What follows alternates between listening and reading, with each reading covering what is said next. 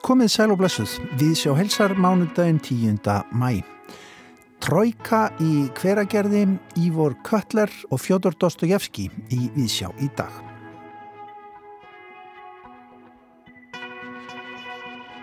Í Víðsjá í dag ætlum við meðal annars að ræða við Árna Bergmann í tilefna því að á þessu ári eru 200 ár liðin frá fæðingum rúsneska réttöfundarins Fjodors Dostojevskis. Árni stúdiraði verk Dostojevskis við Moskva háskóla á sjötta áratögnum og skrifaði um þau loka réttgerð. Dostojevski hefur lengi fyllt Árna. Hann kendi verk hans lengi við Háskóla Íslands við Herum í Árna í Víðsjá í dag. Við heimsækjum einnig listasafn Árnesinga til að skoða og ræða myndlistarsýninguna Trojka. Þetta rúsneska orð er til yfir einhvers konar þríeiki en eh, merkingarnar eru svo sem margar og marg slungnar. Þar eiga á síningunni verk sín þessa dagana þeir Kristján Stengrímur, Pétur Magnússon og Tumi Magnússon en Kristján segir okkur frá síningunni í þætti dagsins. Og þessa vikuna er skröðlegi fjöllistamæðurinn Ævor Köttler í Brennindeppli í tónlistarhorninu Heyrandi nær en Köttler var fættur fyrir tæpri öll síðan í Glasgow og varð óvænt uppáhald bresku blómabarnana og fangaði eiru þverti yfir kynnslóðabilin. Meira um þetta í þætti dagsins. En þá förum við í tónlistarferðalag með Arljóti Sigursinni. Skoskur fjöllistamæður er í Brennindeppli í dag í tónlistarhorninu Heyrandi nær. En við byrjum á því að bregða okkur östu fyrir fjall og skoða síningu sem að heitir Trojka.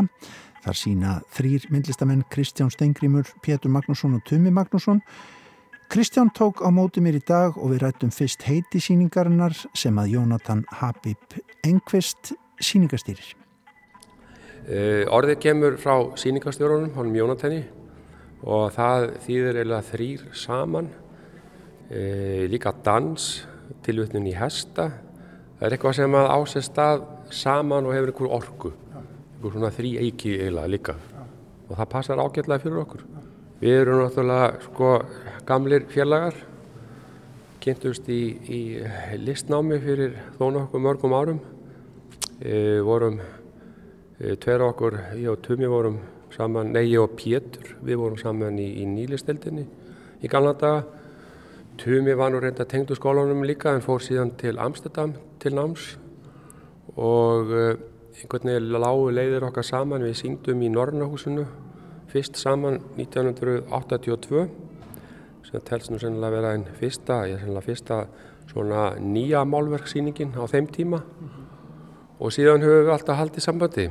Einhvern veginn höfum samilega bakgrunn í, í listmöndun og, og svona höfum haldist í hendur allir þessi ár sko.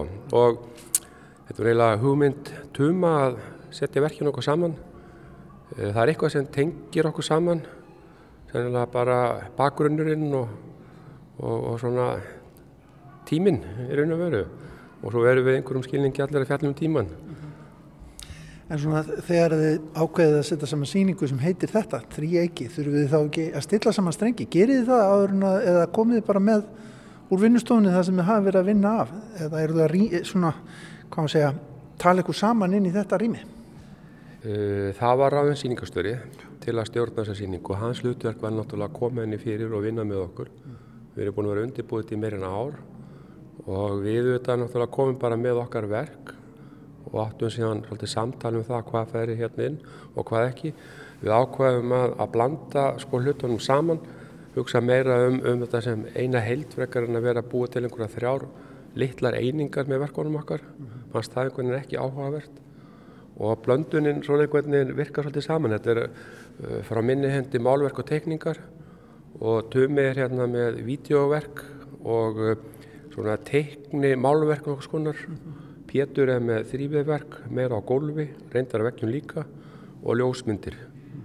Og uh, eiginlega eins og sagði á hann að þá er einhverjum, einhverjum skilningi eru við að fást við tíma og skinnjun það er svona eiginlega það sem tengjur okkur saman og maður sér það svolítið þegar maður er búin að setja upp síninguna fyrirfram kannski var það ekki alveg, alveg ljóst hvað myndi gerast en þetta er ákveðið samtal þó við séum allir fyrir eitthvað ólíkir sko.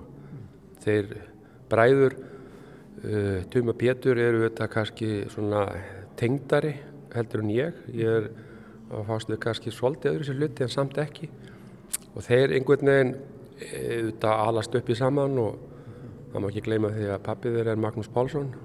Heldur betur. Og kannski hefði Magnús átt að sína þarna fyrir hann ég. Enni, þú mátt alveg vera með. Ég má vera með. Já, já, það var bara eftir að gera það. Það væri gaman að sjá þá þeir há saman á síningu, sko. En sko ég náði ekki þá, Tumi er Erlendis og, og Pétur er norður í landi, þannig að þú komst hérna, nú ætlum ég, að, að snúða upp á hendina þér og byrja, byrja um að byrja á því að tala um verkið þeirra. Sko hérna eru skúltúrar til dæmis bara í kringum okkur sem eru jafnvel á hjólum hérna hjá Pétri, eh, svona flækjur á gólfinu, þetta er hérna forvitnilegir. Já, sko, hérna, þetta eru gólverk, svona einhvers konar teikningar, afbökun á, á hlutum. Uh, hérna við framann okkur er, er verk sem er reyndar sko 20 ára gamalt og, og kom fyrir þessa síningu frá Amsterdam. Og þetta er eiginlega sko upplægi einhvers konar hjólaborð eða svona einhvers konar aflegsborð á hjólum sem að, að, að tumi sko afbakkar með, með þessum rörum sem að e, borðið er gert úr og býr úr e, svona flækju úr því. Og þetta er svolítið svona svolítið einkennandi fyrir hann. Hann eh, vinnur einhvern veginn með skinnjun og er einhvern veginn að afbaka hana og sína okkur fram á sko, hvernig hlutnir eru ekki alveg, alltaf eins og við heldum við síðan. Fer með okkur eitthvað ferðalag og þarna eru líka verk á vegg sem er svona bara hrein ja, skinnvilla. Þetta er svona játnverk sem er tvívitt en þegar við horfum á það þá skinnjum við í raun og veru bóks með gati á. Þetta er svona eins og postkassi. En þegar við komum næra þá er þetta í raun og veru flattverk og inn í öðrum sal hérna hefur hann tekið hef, ljósmyndir af hotnum hér úr safninu áður hann að verkinn fór upp. Hotnunum bara í sölunum sjálfum. Já, hotnunum í sölunum í, bara hér út um allt hús. Já, Bæði nýra á golfi og uppi, uppi rjáður Já, sem hann ljósmyndaði. Síðan hérna stekkar hann ljósmyndar upp og skerðar í svona býr til úr þeim kassa þannig að innhotnin verða eiginlega úthotn ja. og síðan raðar hann þessu upp á vegg og þetta mynda fjárvít og þetta setur mann eiginlega hvernig alveg úr lægi sko. Ja. Þannig svolítið sko toga mann út úr raunveruleikonum í einhverja skinnvillu, einhvers konar skinnvillu ferðalag ja. sem er mjög áhugavert. Hann er skuldurískastur, hann er mest fram í rýminu, út í rýminu. Já. Þið eru meira upp á vegg svona í tvíviðu formi þó að það sé auðvitað dýft í ykkar verkum. Ég skal sko ekki draga neitt. Já, já, það er alveg rétt. það er alveg þannig, já. En sko hann, sko verk Péturs, eru þau yfirleitt svona skuldurísk? Já, hann, það er hérna rýmið sem að mér finnst hann alltaf að vera fást við. Rýmið út af sko hann, hann, hann gerir tvíðu verk líka. Ja, þetta er einhvern veginn sko rýmið og, og skinnunin á því og einhvern veginn að, að sína okkur fram á að hlutinir er ekki alveg kannski svona bein lína eins og við höldum sko og lifum eftir og viljum trú á. Hann afbakkar hana og sínur okkur svona einhvern, einhvern annan vingil á hlutina sko. Það er það sem ég finnst svolítið einkennan sko. Fyrir utan það náttúrulega að þetta er alltaf svolítið stutt í húmórin sko. Þetta hjá þeim báðum sko. Þessar flækjur í verkum Péturs hérna, rýma ágjörlega við þessar flækjur hér í verkum Tuma upp á vegg sem að, hérna, já, já, eru svona inn á milli greinlega hérna. Það gera það. Þetta er eiginlega málverk, einhvers konar teikni málverk og uh, sko þetta er gert eftir, þetta eru svona lítil verk gerðar á tréplötur þar sem mann ristir línu í yfirborð trésins sem er þá búið að setja eitthvað lit ofta á eða þekki eitthvað neginn og línurnar eru litaðar. Þetta er gert eftir vídeoupptökum eða upptökum sem að, sem að Tumi hefur tekið á síma sinn. Svo tekur hann sko, hérna, þessar upptökur, setur þetta bara held inn í tölvu og setur punta á hreifingarnar og, og ver, úrverða til línur. Og þetta eru í mismundi bara uh, svona hvertaslegi viðburðir eða sko aðtapni sem að hann tekur sko. Þetta heitir slóðir, hérna eru hjólabretti, Já. það er leikfimi, það er flugdreiki, kaffisopi, það er alls konar, bæðið svona óvinnleir og, hérna, og svo bortennis, þannig að það eru mjög svona æsilegir hérna, atbyrðir á baki. Já, þá er þetta verið einhver uppteka sem hann hefur tekið að fólki verið að spila bortennis mm. og hann hefur vantilega tekið þá kúluna og, og hún náttúrulega hreyfist sko fram og tilbaka Já. og úr því verður lína sem hann yfirfærir á svo blötur. Þannig gerir hann þessi verk, en þetta eru svona, þetta er tími heldur betur, svona ferli sem hann yfirfærir yfir á svona einhvern teikni málverk. Also we walked in rivers like with the rubber boots, checking out the, the wildlife in the rivers. Det är en ancient distans från den sidan. Det är sjovt. Men uh, Han blev jo, øh, han blev, han blev færdig med sit studie, og så øh, det var klaver, og det var Já, Tumi, uh, hann er líka með vídeoverk þar sem að uh, er fólk að segja sögur. Þetta eru, ég ætla að segja ekki, fimm eða sex skjáir og já, þess að fimm eða sex mann sem er að segja sögur og þetta eru bara upptökur af þessu fólki að, að, að segja sögur og uh, það fær sér kaffisopa reglulega. Uh, það sem Tumi gerir það að hann, hann lætur hérna kaffisopan alltaf sko jafna út uh, frásögnina og þar með tíman. Þannig að, að ef að uh, sumir fá sér kaffi ört, það ímist sko uh, verður hljóðið allt hraðar eða hægar. Þannig að það jafnast alltaf tíma, tíma skemin er alltaf kaffibóllin, það fá sér allir kaffi einu og svo byrjar að tala. Þannig að ímist talar fólk hratt eða það hægir á talinu, á tímanum. Uh, einhver tilfellum sko er þetta næstu í eðlilegt, milli kaffibóllana. Þannig að hann, hann rugglar okkur svolítið og setur tíman inn í, hann rammar hann svolítið inn og milli kaffibólla og sem að hérna, minnir mig á það að hann hefur oft fjallað um kaffi, hann hefur málað með kaffi og, og svo er hérna kaffidrykja er einn á tekningunum hans þar sem fólk er að drekka kaffi sem verður á tekningu. Þetta er svona frekka hvertastlegi hluti sem að hann kafar í og, og sínur okkur svolítið öðru frá öðru sjónarhortni. Þannig er, eru oft verkin hans unnið í ólíka miðla. Þá komum við að þínum verkum. Uh, eins og oft áður þá notar er það ekki jarðefni svona daldið mikið í, í myndgerðina. Það er bara beint af frá móðu náttúru. Stöf, stöfið. Jú, ég hérna, ég gerir það, ég býti liti en þetta er nú, er kannski ekkit, sko, litarefnu eru auðvitað og hafa oft og í, gegnum aldirnar eru gerðar úr steinefnum. Þannig að þetta er í sjálfum sér frekar hefðbundin aðferð við að búti liti nema í mínu tilfelli að þá velji ég sko staðina, staðurinn og það sem er bak við staðin hefur svona tölver áhrif á það sem ég er að gera og eru svona binna tilvitnanir í einhverja viðbörið eða eitthvað sem tengist manninum og hefur líka með tíma að gera.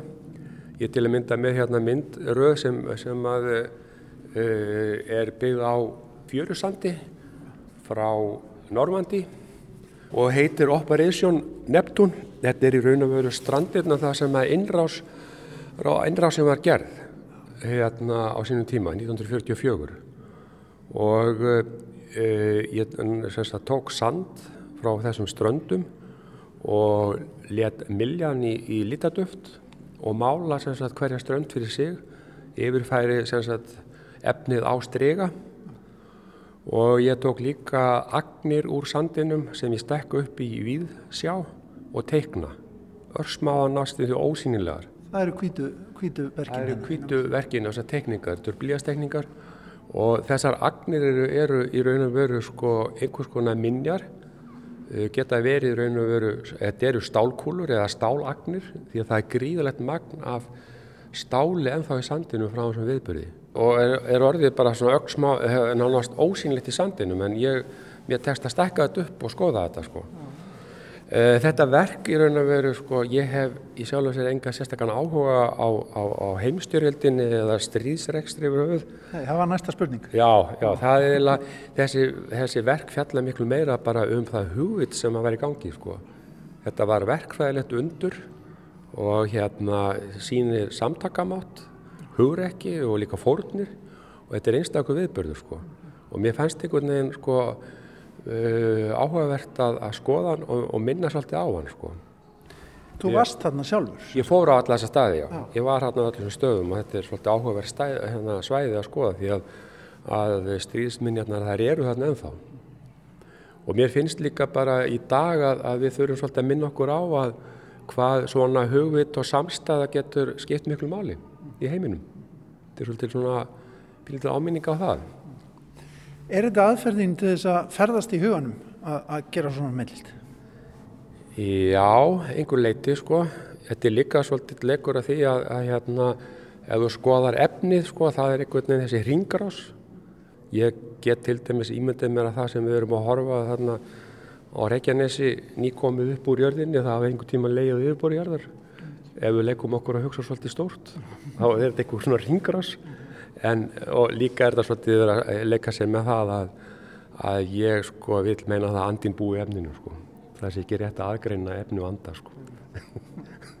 og ég er líka með annað verkefna sem er, er sko gert úr uh, loftsteini sem að ég var mér úti og ég mulda niður og bjóð til honum litarefni og það verk heitir Gestur.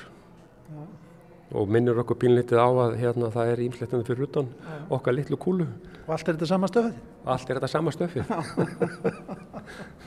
en sko það að sína svona þrýr saman menn sem að þekkjast frá gammalli tíð og, og, og fá síðan góðan hérna, síningastjóra Jónatan Habib Enqvist til þess að svona láta þetta rýma saman að einhver leiti er það ekki bara holdt og gott og ég meina fínt að, að, að svona kannski uppgöta og enda tengingar og slíkt? Jú, það, það er það sko. Það er hérna líka gaman sko að því að við leiður okkar lágu saman fyrir bráðum 40 árum sko. Og, og það er svolítið áhugavert sko að maður ber sama það sem vorum að gera á sínum tíma og síðan aftur í dag þá getur maður velt fyrir sig sko hvað hefur gerst á þessum tíma ásið, þessum áratugum sem að frá því við kynntumst sko. Það eru, hafa áttist að mikla breytingar. Þegar við erum í námi þá er sko, við erum einhvern veginn sko endalokum mótenismans, upphafi postmotenismans en það er ennþá svolítið sko bara einbilgi gangi. Við erum á tímum koncept og fluxuslistar og við sem ungi menn einhvern veginn fundum okkur ekki þar. Það var eiginlega svolítið bara búið að fylla það rými einhver leiti. Við vorum orðinni svolítið þreyttir á þessum endalösu sarkutu ljósmyndum og textagerð og, og svona yfir intellektuál umræðum um listina. Og hérna síðan kemur nýja málverki sem að kannski ekki allir átt að segja á að er einhvers konar andof. Það er andof gagvart ríkjandi aðferðum. Og þó að við sko, sem vorum ungi þá höfum notað í raun og veru svolítið heimsku og húmor og svona reyndum að vera óintellektuál að þá þegar að græntið skoða þá er það auðvitað gert meðvitað. Það er engin kannski eins mikil vittlis á bakvið og menn halda sko. En þetta varði, þetta tímabæl tók stutt af, þetta er ekki enn með eitt og hálf tvö ár sem þetta raunulega nýja málökk var í gangi og síðan auðvitað þyntist nýja málökkið út og, og var það einhvers konar klísju sko og allir fóru bara sína leið. Og í dag er einhvern veginn ægir öllu saman, það, það er allt, allt leifilegt, allt mögulegt? Já, það er svolítið þannig sko, e, eða við höldum það allavega. Það er nú kannski meir rammeðin orku grunnar en kannski eru efnistökin og, og það allt saman mjög opið sko. Þú getur vera sko unnið að myndlist og valið er sko einhvers konar hugmyndafræðilega línu eða einhvern umhverfi, einhverja tenginga sem að, að þér finnst áhugaverðar og þú getur líka að krossa við það miðla sem þið sýnist. Þetta er, þetta er mikla breytingar sem voru sko. Þetta býr til sko algjöra kás og svona, e, e, þetta hefur bæði ákvarðan eitthvað hliðar, það er að segja rosalega mikið að dóti í gangi, bara hreinu rusli sko býr til það en, en, en um leið líka er þetta frelsandi og, og, og hérna, leiðir held ég listin og menninguna sko, sterkar fram. Sko. Látum þetta vera loka orðin. Takk kærlega fyrir spjallið. Já, þetta saði Kristján Stengrimur Jónsson, myndlistamæður í viðtali við okkur í morgun. Þegar við rendum austur fyrir fjall og heimsóttum listasafn Árnesinga í hveragerði til að skoða síningu Kristján Stengrims, Pétus Magnússonar og Tuma Magnússonar. Hún heitir Trojka, henni stýrt af síningastjórnum Jónatan Habib Engvist. En þá ætlum við að fara í tónlistarferðalag með Arljóti Sigursinni, skoskur fjöllistamæður er í brennendepli í dag í tónlistarhorninu Heyrandi nær. I am Ivor Cutler of Yehoop, oblique musical philosopher. I am going to sing you some of my songs.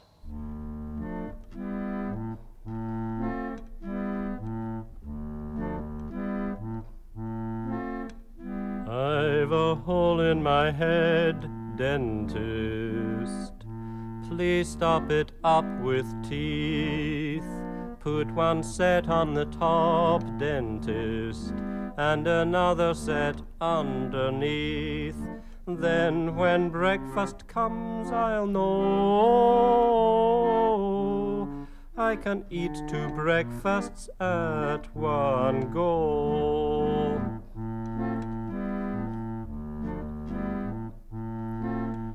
I've a boot on my foot, doctor. Please take it off right away. If you can't take it off tomorrow, please take it off today. Then when breakfast comes, I'll know I can eat my breakfast using every toe.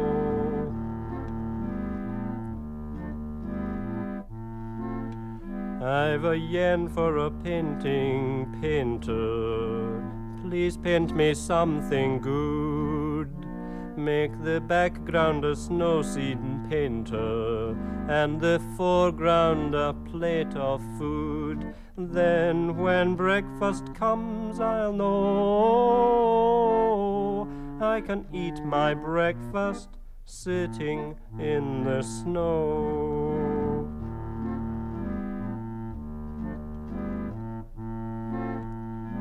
There's a straw in your field, farmer. Please chop it down for me. I shall use it for drinking my liquor. Lemonade, coffee, or tea. Then, when breakfast comes, I'll know I can sip my coffee very very slow.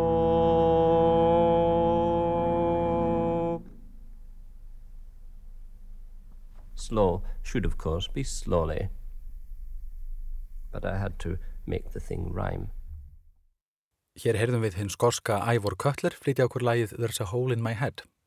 Hann var jáðartónskáld og mætti segja sérvitringur, stakki í stúf á sínum tíma ferðaðist allra sína ferða á hjóli og bara á höfði sér hatt allskrittan merkjum og nælum og skrauti, en hattinn tók hann sjaldan niður. Böksurnar hans voru svo kallar plus 4, útviðar íþrótaböksur af gamla skólanum með skálmar sem náðu fjórar tómur niður fyrir nýje. Lengi væri hægt að rífast um hvort að tældust síðar stuttböksur eða stuttar langböksur.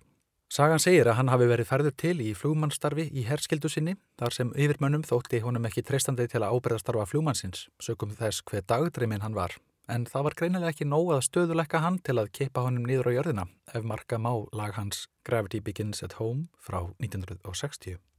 In this song I attempt to do two things.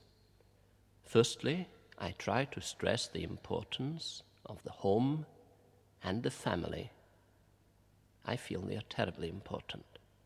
And secondly, I try to stress the fact that the theory of gravity is a lot of nonsense. I will now sing Gravity Begins at Home.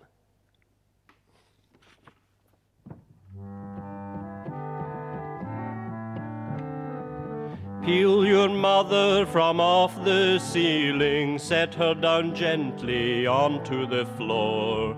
Scrape your father from off the ceiling, set him up with a whiskey or four. For gravity begins at home, my brother, gravity begins at home.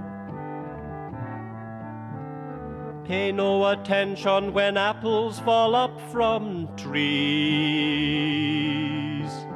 Pay no attention when elephants hover like wasps. For gravity begins at home, my brother, gravity begins at home. Look at my auntie floating at the chandelier, the dear. Fetch her a ladder before she gets any madder. For gravity begins at home, my brother, gravity begins at home. Pay no attention when octopi fly in the sky. Just keep your balance with Scotch, Irish, Bourbon, and rye. For gravity begins at home, my brother. Gravity begins at home, my sister. Gravity begins at home. I should like to acknowledge before I leave this song a debt to my wife. She was responsible for the lines. Fetch her a ladder before she gets any madder. Ævor bregður þarna á leik og kallar þingdaraflið þvætting. Fílar haga sér líkt á flugur og skrapa þarf heimilisföðurinn ofan úr loftinu. Eppli falla upp á við og um loftið leika kolkrabbar. Þetta má heita alveg dæmigerður köttler, einn við lítið fótstíið harmónium orgel, nánast í barnastærð. Oft með stuttakynningu á undan eða eftir til gamans eða útskýringar. Titill lagsins er afbökun á breska málsættinum Charity Begins at Home. Gamla tólkunin sem orðið hefur undir í tímans rás er svo að barnið lærir góðvildina heima hjá sér. Sérmerandi kundashetjan Ævor starfaði lengi vel sem listkennari í barnaskóla í London þar sem hann afhjúpaði leik, dans, tón og ljóðlist fyrir ungum nemyndum. Óbeitt hafði hann á þeim heraga sem ríkti í skólum þá daga og segir sagan að hann hafi brotið flengingarvöndin sem honum var útlitað til kennstunnar og afhengt nemyndum sínum brotin. Lög hans eru eins konar tónlistarleg smælki nýjupptekin með smjörklípu og saltörðu. Laugin yfirleitt eitthvað í kringum tvekja mínútna markið og viðfangsefni hans er jafnan kundagurinn, tekin og snúið á rönguna og brugðið og leik í stundum nánast bútískrein álgun eins og heyrist í næsta lægi til einhverju eiginkuna hans til 40 ára Phyllis King. Hljóðritað á eiginlegum kveðjutónleikum hans árið 2005 í tónleikahöll Elisabetar Drottningar. Beautiful cosmos. You are the center of your little world, and I am of mine. Now and again we meet for tea, we're two of a kind. This is our universe, cups for tea. We have a beautiful cosmos, you and me. We have a beautiful cosmos. What do we talk of whenever we meet? Nothing at all. You sit with a sandwich, I look at a roll. Sometimes I open my mouth, then shut it. We have a beautiful cosmos, you and me. We have a beautiful cosmos. You are the center of your little world, and I am of mine. Now and again we meet for tea, we're two of a kind. This is our universe, cups of tea. We have a beautiful cosmos, you and me. We have a beautiful cosmos.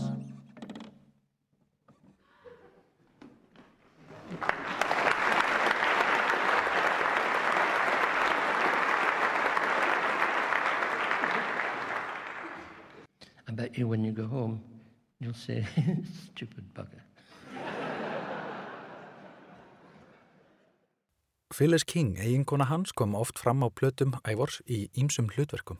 Hún var listaskáld rétt eins og Ævor og bæði skrifuðu þau barnabækur.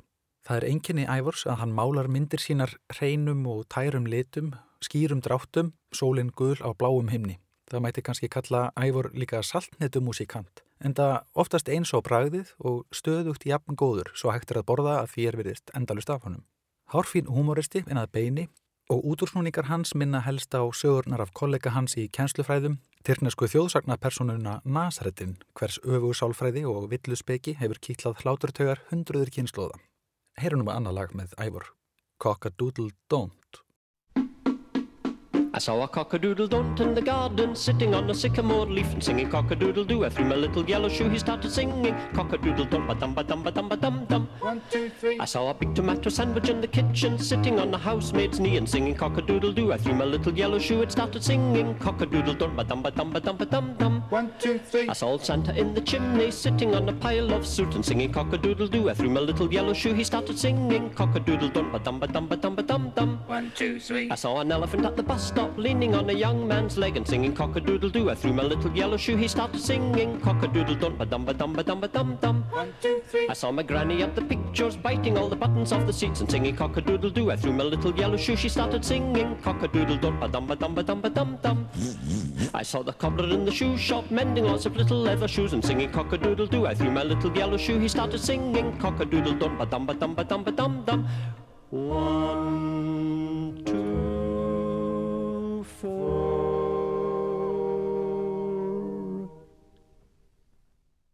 Kynnslóð hippanna fann sterka tengingu við þennan sérvitring sem fór sínar frumlegu leiðir. Oft urðu lögin hans eins konar absúrt barnagælur sem sást mikið af í bresku blómabilgjunni og líkum lætur blés músík hans sitt barrett sköpunar anda í brjóst meðan frumrun Pink Floyd Piper at the Gates of Dawn var í smíðum. Kantara borgarar rocksennan fór ekki varhluta af honum og átti hann gjöfult samstarf með Robert Wyatt og fleiri líkum. En Cutler varð upp úr 1960 sífældi reglulegri gestur í BBC og John Peel, útvarsmaður, hafði mikið dálæti af honum. Hann barst fljótt til erna bíklana sem heldu honum að sér og fundu honum hlutverk í gallsúru kvikmyndinni Magical Mystery Tour. Þar að auki var það fymti bítillin, George Martin, sem tók að sér hlutverk upptökustjóra á blötu Cutlers Ludo frá 1967. Nú ætla ég að hvaðja ykkur með læginu I Had a Little Boat af Ludoi, Ivors Cutler og erindið nær ekki lengra í dag. Erindið nær þakkar hlust, góðar stundir.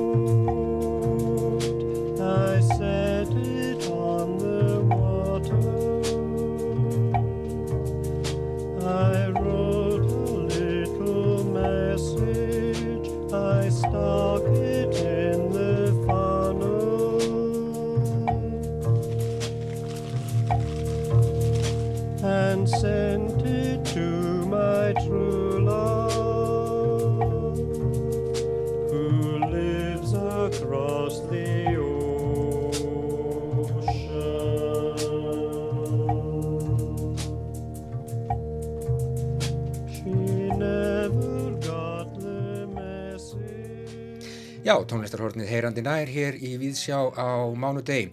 Arljótur Sigursson með hugan að þessu sinni við skoska fjöllistamannin Ævor Köttler. En þá likur leiðin til Rústlands hvorki meiranu minna og að gefnu til efni. Þann 11. november næstkomandi þá verða 200 ár liðin frá fæðingu rúsneska rithöfundarins Fjodor Dostojevski sem að, já, var nú sennilega bara einhver almesti skáldsagna höfundur allra tíma. Ég komin hingað eh, á Hulduhóla í Mósfellsbæ. Þar situr Árni Bergmann sem hefur nú, já, lengi lesið Fjodor Dostojevski og uh, átt í, hvað við segja, bara miklum samskiptum við hann í gegnum tíðina átni. Þú ferð til Moskvu hvað 1954 og, og ferð að, að stúdera Dostojevski á þeim tíma þegar menn eru svona, já, svolítið mikið að endur uppgötva hann, Já, er það ekki? þeir þurftu náttúrulega ekki að endur uppgötu hann en þeir hafðu verið í vandræðu með, með Dostojevski því hann var náttúrulega að, að sko, hvað var skoðanir á ymsum hlutum þá var hann, gekk hann þvert á, á svo margt í, í, í sovjeskri eh, hugmyndafræði Já. hann var eh, hann, hann var fyrverandi rótæklingur og, og var afskaplega mikið á móti eh, vestrænum áhrifum eh, frjálslindi, pólitík pólitískum flokkum vinstri mennsku, guðleysi efnisíki og all, allu þessu. En setti tröst sitt á rúsneskan kristindóm og hann var, hann var orðin eftir Sýbyrjudvölina svo mikill keisara sinni að hann trúði bara í einlægni á það að einn sérst, ágætasta sérstaða Rúslands væri kærleiksamband keisarans og alltíðunar. Og, og, og hérna, og hann leit á, á all, all þessi eh, framandi áhrif og efnishyggju og, og grunnfærna framfara trú á það að, að fólk gæti gæti svona lagað, lagað hérna allt, allt uh, með skynsem, með skynsamlegum tillögum og, og, og kerfisbreytingum og öllu þessu. Og, og hérna og um, en það var þannig sko að á, á setni hluta sovjetímans að þá voru kannski hérna helst gefin út svona æskuverkans eins og fótætt fólk og kannski glæpur og refsing og það var reyndað að afsakan með því að hann hefði þó sínt sko ömulegt hlutskipti þeirra fátæku. Já. Þeirra sem voru fastir í, í óþólandi aðstæðum, skilur. En hann var sjálfur afskaplega mikið á, á, á móti þessari hugmyndum hérna um uh, ofurvald aðstæðana, skilur. Uh, sko, það má segja að að rúsneska bókmyndi 19. aldar, þær hafa einn grundtón og hann er sá að manneskjan sé góð, hún sé fætt góð, en aðstæður spillinni, vondar þjóðfélagslegar aðstæður, ránglæti og kúun og, allt þetta. Og ef að, ef að menn tækir sér nú til og útrýmdu bændáðunni eða annari kúun, að þá er þið allt í lægi.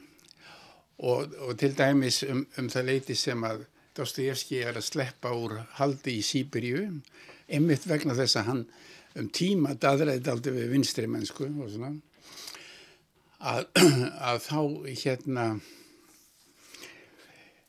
uh, kom út mjög vi- vi- vinsæl skáltsaga sem að var eftir, eftir mann sem sat, sat á í tukthúsi og var síðan sendur til Sýberíu og heit Sjernisjevski og ég tók einmitt eh, eitt kurs í, í, í, skoð, í skoðunum hans skilur og, og hérna og Sjenisevski hann samti svona útopiska skáldsögu um umt fólk sem að tekur sér til og byrjar að breyta mannlífinu. Á, með því að samla samvinnufélög og samegnafélög og, og frjálsar ástir sem eru þó lausar við lausung og lauslæti og, og hérna en, en Dostoyevski gerði óspart grín að þessari, þessari kristalshöld sem að Janisevski hafi reist og þar, þar sem hann byrjuðu list og menning eftir klukkan fimm. Já. En hvernig voru, En, og, þetta, og þetta var sko, um, þetta var allt í gerjun um það leiti sem við kom. Já. Og það var einmitt þannig að árið 54 þá byrjaði að gefa út í fyrst sinn í 25 ár heildarútgáfu af skáldverkum hans í tíu bindum. Og einn vinnu minn eh, blindur málfræðingur sem ég kendi íslensku hann varaði mig að vísu við. Þú skalt ekki sökva þér í Dostoyevski þú missir alla lífslöngun. Þú verður svo, svo, svo, svo svart sín þú verður að hafa eitthvað annað mót, sem mótvægi eins og Tjekov eitthvað svo en hann gerði mig að áskrifenda að þessari útgáfu og ég lendi þá strax í svona smá sovjískri spillingu vegna þess að til þess að verða áskrifandi þá fór maður svona á mánaða fresti í sérstakka bók og búð sem afhendi ritsöfn, svona ný, ný bindi í ritsöfnum sem kom út. Og þá þurfti ég að borga einni konu eh, undir borðið andurfyrði eins bindis. Og en, og, en, en eh, um þetta leiti sem sagt að þá er þá er verið að rifja upp svona ímislegt úr, úr hérna bókmöndafræðum og gaggríni eh, frá þeim tíma millir milli 1920 og 30 þegar að um, enn var tölvert málfrelsi í, í landinu og, og nýjungagirni í sambandi við, við, við eh, rannsóknir á bókmöndum og, og baktín og svona. Og, og ég, ég lendi sko í, í, í svona sérstöku seminari hjá manni sem hétt Baspelov og var uh, kunningi mann eins og Baktins og, og fleiri, fleiri, slíkara. Já.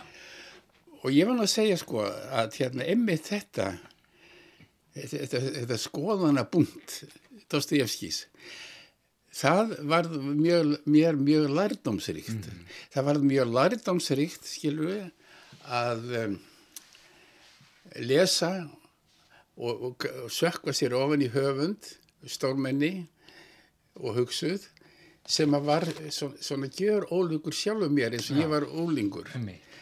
ég var náttúrulega rótæklingur og trúði á framfæriðnar og, og getur manna til þess að búa til skimsaleg þjóðfélag en hann sagði að þetta væri allt saman villutrú Já, en hvernig voru menn að lesa Dostojevski á þessum tíma? Þú, þú minnist á Bakhtin og já, menn eru að hugsa um Margarötun og, ymslegt fleira sem, a, sem að sko, því tengist. Mennur er svona rétt, rétt að byrja að hugsa um, um, um margröðun en þegar að þetta er að gerast sko, þegar að verið verið að svona hreinsa til uh, til þess að, að, að, að hérna verkin fá betur að njóta sín að þá erum en ennþá í þessu að, að segja hann var hafði þó samúð með lítimagnarnum sko. hann, hann eh, skildi eh, hörmölu örlög þeirra fátæku og, og niðurlegðu og, og hérna og særðu eins og einn ein skáldsagans frá, æsk, frá æsku árunum se, hérna, segir Já, nákvæmlega.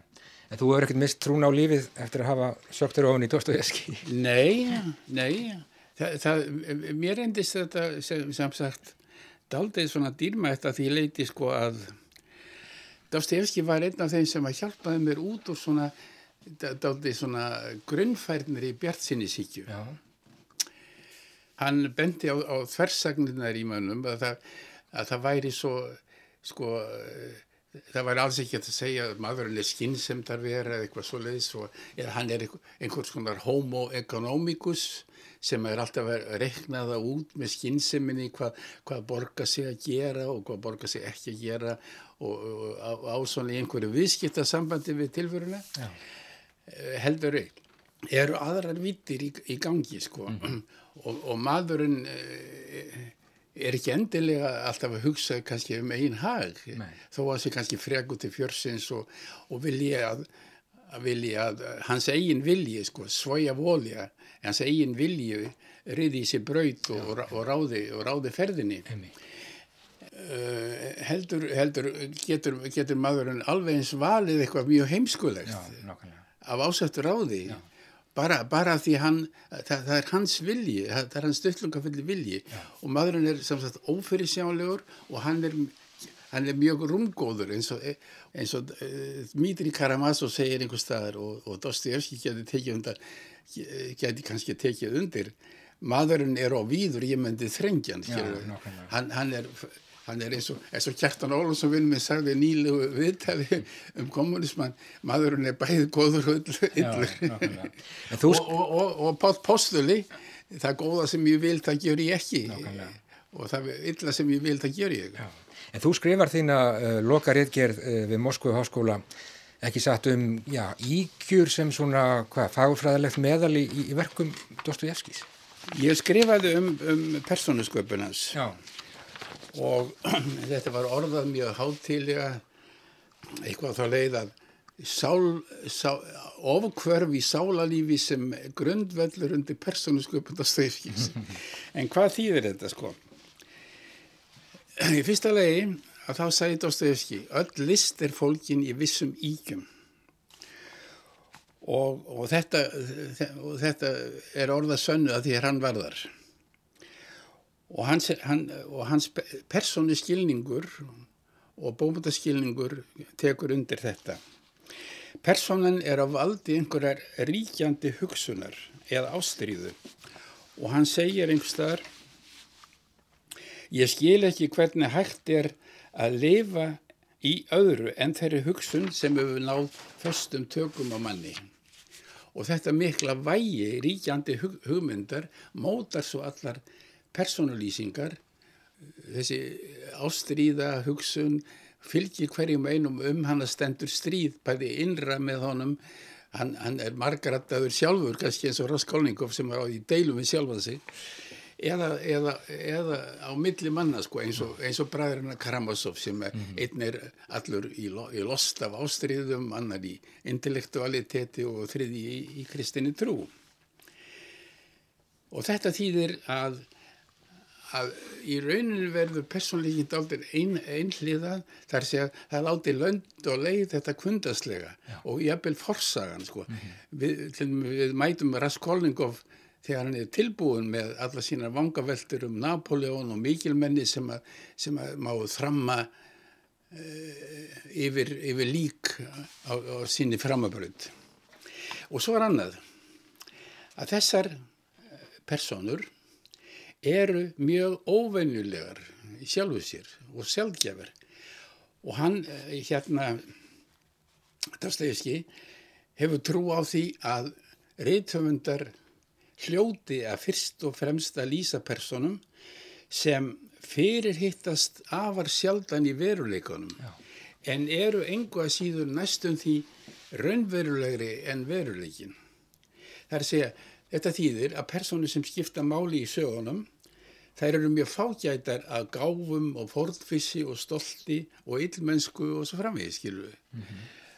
Og það er sem sagt gert ráð fyrir því að það þurfi óvenjulega einstaklinga til að rýsa undir þessum miklu hugmyndum, húsjónum og ástríðum, skilur við.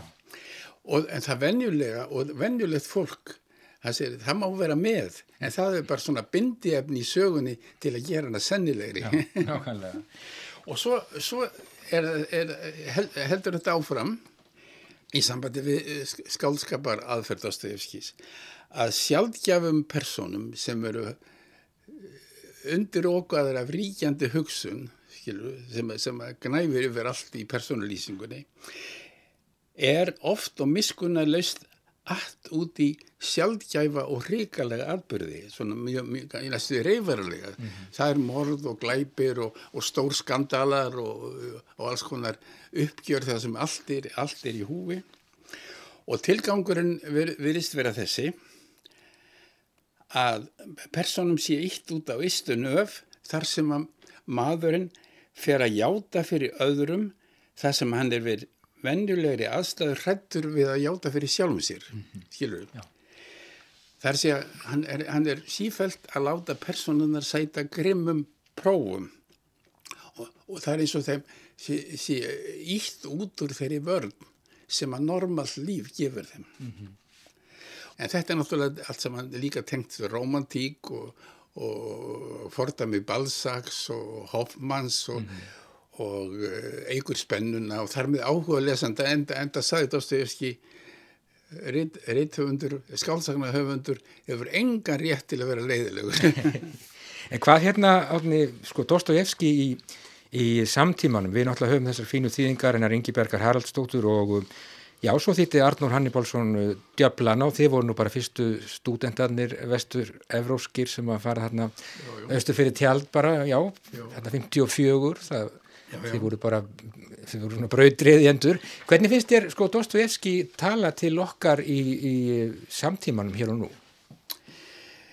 Já, mér finnst, mér finnst hann mér finnst hann alltaf að halda sínu halda sínu gildi hann fann sína aðferð til að magna upp áhuga lesandans á þessum hábölfuðu eilíðar spurningum um rétt og rámt um guð og djöful og, og allt þetta og með því að ganga svona nærri personu sínum og, og íta þeim svona á istu Já. nöf afleðinga þess að vera að gert. Og hann setti fram róttakar efasemdir um grunnfærna bjart, bjart, framfara bjart síni sem að er ekki vanþörf á í rauninni, sko, hvort sem að menn taka svona sovjetmarxismann sem að gerðir á fyrir að, að allt er í himnalagi, sko, þegar að, þegar að, þegar að hérna, allraði örugan hafum alla svo svo lengi, eða hvort mér gerir á fyrir því að að markaðurinn sé eins og svona heilafrandi sem að, og hans ósýnilega hönd komi öllu fyrir sem best má verða, skilur það, það er eitthvað það er eitthvað, eitthvað annað sem að þarf. Já. það er eitthvað annað og fleira sem þarf. Og það er þessi spurning sem að, sem að menn hljóta náttúrulega að glíma við fyrir að síðar þegar að hérna menn við og, en, og þá kemur að þessu sko að hann er þó að hann hafi svona sterkar skoðanir á öllum hlutum og hann þó að hann kannski til dæmis eh, tali um það í, í, í rítjarðum að, að, að, að hún finnst að, að kristindómurinn sé sérstakt hlutverk rússa og eigi sérstakt erendi við rússa og, og þessi rúsneski kristindómur eigi sérstakt erendi við heiminn. Það er að segja, hann er að því leiti hlistaður við, við sovjetideológinu að, að henni rúsneska hugmynd var þá orðin að byltingunni. Já, Ertu hérna, ertu enn að lesa Dostoyevski átni, áttu þér kannski, er djart að spyrja þig hvort þú eigir þér, uh, hvort þú eigir þér eftirlætisverk eftir, eftir Fjóður Dostoyevski? Já, ég, ég, ég eh, það er, það er, ég skal ekki segja sko, ég, hef pælt, mikið sérstaklega í glæpur efsingu, fávitanum og Karamazabræðurunum og, og ég, í þessar, á þessum COVID-tíma þá tók ég mig til og, og las til, dæmis allan, allan, allan Karamazabræðunar aftur. Já. og ég las allan Tjekov og allan Púskin líka. Svo, svo ég hef eiginlega valla litið upp rúsum í, í, Þú ert fun heitur. í, í, í þess, á þessum undarlegu tímum Já, nákvæmlega. Og Karamazov bræðarnir þeir komu bara út, uh, já, endur útgefnir bara núna í janúar. Já. Ég talaði tala einu sinni við mann sem að þýtti tvísvar Karamazov bræðunar og þýðingi kom aldrei út. Já. Það var sér að Gunnar Árnason. Hann þýtti Karamazov bræður, líklega út, á hansku eða þýsku. Og sendi Ragnar í smára handritið og Ragnar týndi því. Já. og hann tók sér til og þýtti það aftur. en einhvern veginn þá lagði uh, uh, Ragnar ekki í það. Og, og ég hitt hann að það var svona, hann var að tala við blað, blaðmenn, það, það, það kom til tals kannski að reyna að gefa þetta út. Og, og ég, ég manni ég spurði sér að Gunnar að því hvort að hann hefði ekki haft gaman af að þýða samtal Ívans Karamazov við anskotan og hann fór hjá sér og sagði ég blóta aldrei Árni, við getum tala lengi um Fjóður Dostoyevski og já, það eru 200 ár liðin. Þann 11. november næstkomandi frá því að hann fættist og mér segir svo hugur að við munum tala meira um Fjóður Dostoyevski hér á Ráseitt og vonandi áður en langt um líður. Ég segi bara takk kellaði fyrir spjallið Árni og þú heldur bara áfram að lesa, lesa þinn Dostoyevski. Já, þakka þessum er þess. Takk.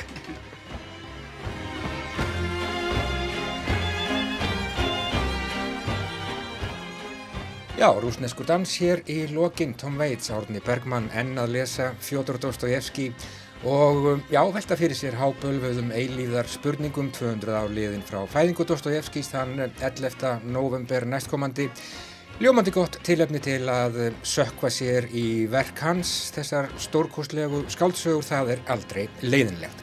Og svona ljúkum við viðsjá í dag, viðsjá hér aftur á sínum stað á sínum tíma, laust eftir klukkan fjögur á morgun. Takk fyrir samfélgina í dag, kærlega verið sæl.